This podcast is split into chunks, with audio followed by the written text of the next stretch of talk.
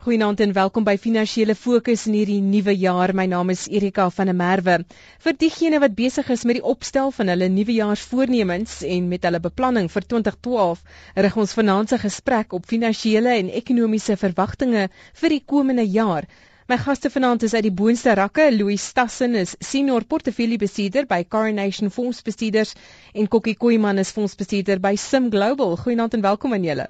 Goeienaand Erika. Daar was heelwat negativiteit in 2012. In watter mate en op watter gebied kokkie kan ons verbetering of selfs goeie nuus verwag? Ek kan nie aan iets dink nie. maar ehm um, die die goeie nuus is dat in die verlede telkens wanneer die markte so negatief was soos nou, het gewoonlik iets gebeur of die mark het net van self gedraai.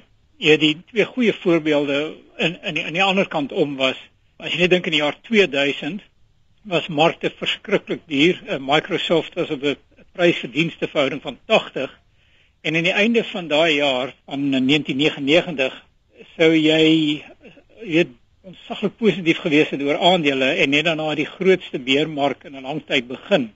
En en ek dink dieselfde nou ons ons is nou hopeloos te negatief. Ons kan nie eintlik 'n gat sien in die huidige probleme nie, maar die mark het dit lankal verdiskonteer. Louis jou reaksie daarop, ek dink reeds uh, soos die jaar aan die einde begin kom het, het ons gesien daar's verbetering in die Amerikaanse ekonomie. Ek dink dit was een van die groot vrese. Die ander eislike vrees is wat gaan in Europa gebeur. Ja, ongelukkig al twee hierdie kwessies gaan gaan tyd vat om uit te speel Erika. So ek stem saam met Kokkie. Ek dink die die grootste potensiële positief is net hoe sleg dit in 2011 gegaan het en hoe negatief mense geraak het. Ek uh, vertel altyd die storie dat ek was ergens in New York het ek by fondsbestuurders in September 'n draai gaan maak en en, en sit van die refrein was absoluut gewees. Ons het gesien hoeveel mense het in 2008 moes besigheid toemaak, fondsbestuurders, goeie fondsbestuurders omdat hulle te gou positief geraak het. So wat daai fondsbestuurders gaan doen het, hulle het almal hulle soveel as moontlik van hulle aandele verkoop en hulle sit basies in kontant en wag sit in hulle woorde wag tot die storm bedaar het. As jy dit sê en as hulle dit vir jou sê, dan beteken daai daai verkoper, daai baie sterk verkoop ten alle koste tipe van mentaliteit is al klaar in die prys gereflekteer wat ons nou aan die einde van die jaar gesien het. So wat albei van julle miskien impliseer is dat ons nou wel kan koop en verwag dat dinge wel gaan beter raak, Kokkie? Ja, Dit as mens nou nog gou deur van die van die makrofaktore werk, dan dan wys dit wel dat rentekoerse gaan definitief baie laag bly. Beteken die alternatiewe beleggingsbron, jy weet net in in in vaste rentekoerse of net daggeld is is is jou opbrengskoers so laag en ook riskant dat aandele uh, lyk net baie baie aantreklik. Kom ons praat oor daardie makrofaktore. Louis Kokkie wat reken rentekoerse gaan laag bly, waarskynlik omdat hy reken groei gaan laag bly, inflasie druk miskien minder belangrik. Ja, ek dink internasionaal het um, al die reservebanke baie duidelik hulle intensies bekend gemaak en gesê hulle gaan probeer om die ekonomie aan die gang te kry in die eerste plek en nie in die kort termyn te bekommerd wees oor in, inflasie nie. Inflasie is is nie oral onder beheer nie. Ek meen in in Verenigde Koninkryk byvoorbeeld het jy redelike hoë inflasie al klaar, maar soos ek sê, in hierdie stadium is dit baie belangriker om soos die Engelsman sê traction in die ekonomie te kry dat dat, daar begin momentum, 'n positiewe momentum in die ekonomie begin bou as om in die kort termyn te bekommerd te wees oor oor inflasie. So ek dink die reservebanke oral verstaan dit en en neig in daai rigting en gaan hulle uh, beleid ook in daai rigting aanpas. Kokkie, hoe sien jy die gesondheid van die verbruiker in 2012? In Suid-Afrika vir geruime tyd nou al is die verbruiker die een wat ekonomiese groei aan die gang hou. Dit is nie noodwendig die geval in verskeie ander wêreldstreke nie. Ja, ongelukkig die die laaste paar maande van 2011 het dit eintlik amper oral versleg. Dink veral nou aan Indië, dink ook aan Turkye waar industriële produksie vinnig aan die afneem was en en veral ook omdat uitvoere na Europa baie uh, afgeneem het en en dieselfde tendens uh, sal mense in Suid-Afrika ook sien. Dis oral wel is daar meer vrese vir hoër werkloosheid as gevolg van laer industriële produksie en dis is verbruikers vertroue of bruik verbruikers sentiment om geld te spandeer is is laer. En ek dink in Suid-Afrika ook gaan ons nie kan ons nie vooruitkyk na 'n baie sterk ekonomiese groei syfer op hierdie stadium nie. Daar's altyd dinge wat kan gebeur wat nou alles verver gooi. Maar op hierdie stadium in baie van die ander opkomende lande begin dinge ook agteruit gaan. Ek dink die verskil wel en dit moet ons baie in gedagte hou is dat in Europa kan ons jy kyk nou 'n 3, 4, 5 jaar prentjie van van baie slegte groei en ten minste die eerste 2 jaar baie baie negatiewe groei. Maar die ander lande, uh, Indië, Turkye, Brasilië en selfs Suid-Afrika ook sal aanpas en omdat die skuldlas in daai lande op op regeringsvlak en op privaat verbruikersvlak baie laag is, sal hulle weer redelik herstel. So by hulle is miskien 'n half jaar, 'n jaar, maar uiteindelik gaan dit deurspoel na Suid-Afrika. Ek dink kommoditeitspryse gaan ook heel waarskynlik laag bly of verder afkom. Dit ook nie goed vir ons is nie. Eh, vir ons lyk dit ook nie baie goed in terme van die verbruiker nie. Louis stem mee saam dat die ontleikende markte steeds die groei engine gaan wees in 2012. Ek dink definitief in 'n in 'n relatiewe sin definitief Erika. Ehm um, ons het gesien ek wou nou net bygevoeg het te Kokkie gepraat het dat ek dink die ander groot onsekerheid gaan natuurlik rondom China en hoe volhoubaar China se ekonomiese uitbreiding is. So daar word al meer vrae gevra en en dit is altyd moeilik met China omdat dit 'n 'n stelsel is wat wat nie gemaklik sit met kapitaliste nie. Mense is onseker in terme van hoe die syfers bymekaar gesit word. So so jy kry baie keer baie sterk opinies in rigtings. Baie Amerikaners veral is baie bekommerd oor oor hoe volhoubaar dit is en sê die hele ding kan dalk kaarte huis wees in mekaar val. Ons dis nie ons siening daai nie en ons dink dat China gaan gaan redelik uh, aanhou om redelik goed te groei.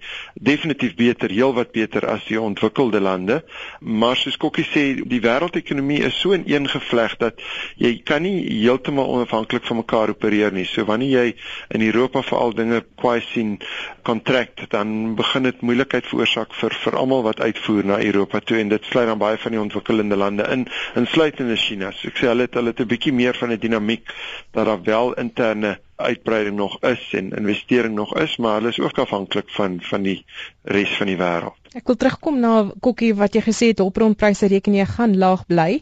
Dit pas in by wat Louis gesê het, die wêreld is geïntegreer in in al hoe meer so, so jy kan nie hierdie ontkoppeling hê waar sterk Chinese groei nog steeds hulpbronpryse gaan bly ondersteun nie, maar kom ons kyk net na die fundamentele dinamika uh, onderliggend aan hulpbronpryse. Is dit dan 'n vraagie effek hoe lyk die aanbodkant van hulpbronne oor die algemeen? Jy gaan daai vir Louis moet vra. Ek dink hy is baie meer kundig op op ek is op daai vlak. Maar inderdaad ja, ek het ek het China spesiaal uitgelos omdat ek ek is ook baie onseker oor China, maar ek dink wat Louis gesê het is heeltemal reg. Maar in in die vraag kan wel was dit vir 'n lang tyd nog altyd die die soort van gedagtegang dat die sterk sê maar 8 9% groei in India en ook in China dit sal hulpbronpryse laag hou. En ek is redelik sterk oortuig dat daai groeikoerse alhoewel laer gaan wees, maar kom ons praat van 2013, 14 weer sal terugkom, miskien na 7, 8%. China miskien bietjie laer 7, maar dis net 2012 wat ek bietjie bekommerd is en ek ek dink Louis sal sal beter antwoord kan gee in terme van die van die aanbod uh, kant. Louis Jy kan nie veel beter as as Kokkie nie, maar ek dink ek dink mense sien so bietjie, jy sien nie bekommernis deurkom in in plekke soos Platinum byvoorbeeld waar waar nuwe voertuigverkope in China 'n groot deel van die van die vraag vir vir Platinum, nuwe Platinum veroorsaak. En daar het jy gesien die platinum prys was was in 2011 baie swak geweest omdat mense bekommerd is daaroor. So dis weer is moeilik om om presies agter te kom hoeveel daarvan is klaar verdiskonteer. Ek dink van die ander kommoditeite soos koper het redelik sterk gebly, verbasend sterk gebly. Die een waar ons dink ons verder druk kan kry is in ystererts. Daar begin definitief 'n uh, nuwe aanbod op die mark kom, veral in uit Australië. Dis so bietjie, miskien so bietjie meer 2013, 2014, maar ons weet 'n klomp nuwe myne word oopgemaak daarso en daai prys was baie sterk geweest, 'n bietjie afgekom aan einde van 2011, maar hy kan waarskynlik nog verder terugkom. Ons gebruik byvoorbeeld 'n heelwat laer prys as die huidige vlakke wanneer ons maatskappye waardeer in daai sektore. So dit is 'n moeilike een. Ek ek dink oor die algemeen was 2011 al klaar redelik pap gewees en is baie van die goed waaroor ons bekommerd is en waaroor ons nou praat is dalk al klaar vir diskonteer in pryse. Kokkie geld dit ook vir die banke en uh, finansiële maatskappye oor die algemeen baie slegte nuus wat daar ingeprys word. Hoe lyk dit dan vir 2012? Ek het geweet daai vraag gaan kom uh, Erika. Uh, ja, nou weer eens hang dit af van watter wêrelddeel jy van praat. As jy kyk veral in Europa is is veral bankaandelepryse verskriklik geslaan in in 2011 maar die vrees is dit ergste is nog nie oor soos hulle in Holland sê. Dit van hulle moet nog geherkapitaliseer word en en ons weet nog steeds nie hoe erg die slegte skulde wel gaan wees en wie die die pyn gaan vat nie. Maar dit kom wel op waardasie vlakke waar waar van hulle as jy hele klomp van hulle sou kon koop, gaan jy 'n goeie belegging doen. Jy weet, jy moet net nie 'n paar individue koop nie want jy kan net daai individuele een koop wat wat wel nog omval.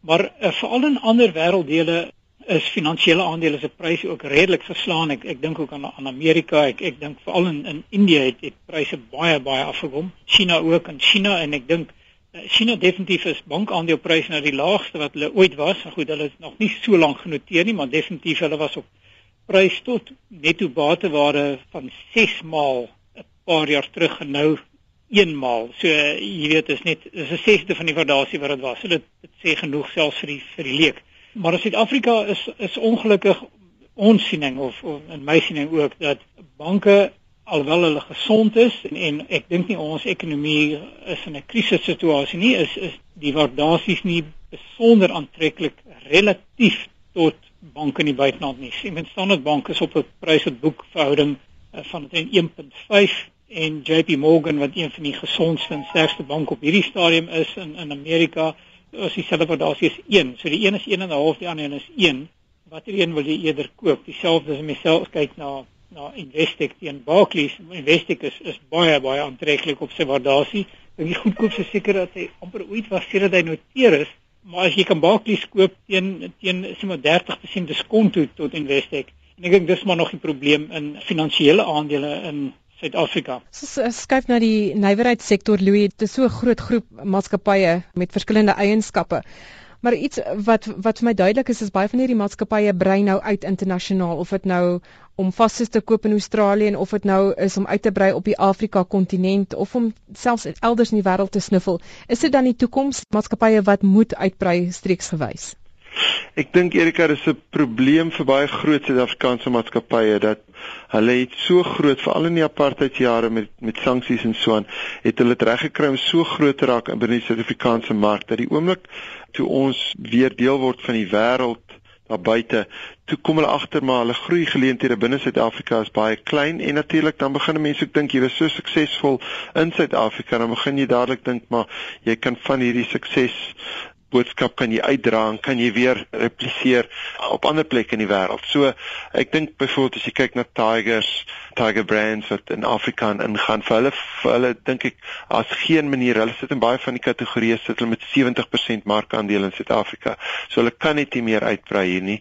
En daarom gaan kyk hulle na ander lande waar hulle hulle moontlik van hierdie soos ek sê suksesfaktore kan gaan toepas weer.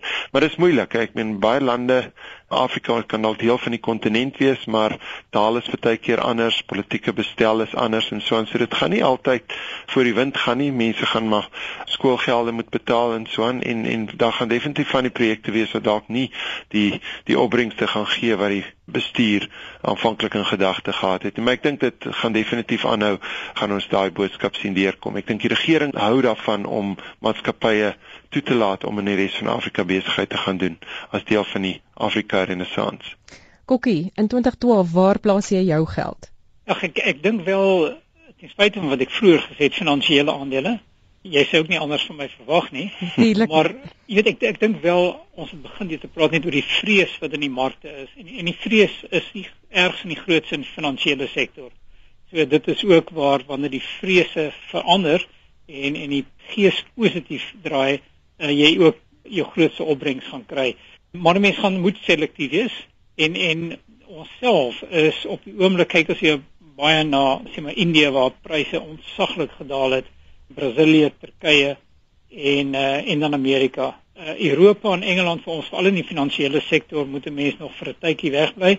Maar ek dink basies som dit ook op wat ek sou voel ons ons voel die beste oor uh van die opkomende markte waar jy weet jy gaan groei kry, miskien nie so sterk 2012 maar daarna weer redelik sterk en dan Amerika wat lyk of hy besig is om te draai.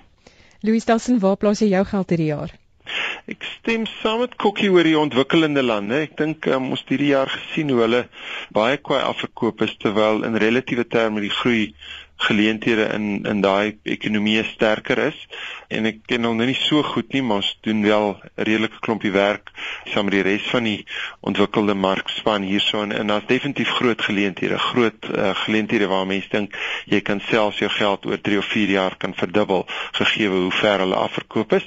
Ek dink binne Suid-Afrika Erika is 'n interessante een. Ek dink as jy van die kleiner maatskappye kyk, uh, is daar 'n klompie klein maatskappye wat die mark basies heeltemal moet opgegee het. En solank as wat jy van hulle koop waar die balansstate goed is, met ander woorde as dinge sleg bly dat hulle nie in 'n probleem gaan gaan beland nie. Dan dink ek kan jy baie interessante vir die man wat nou 'n bietjie meer detail werk wil doen.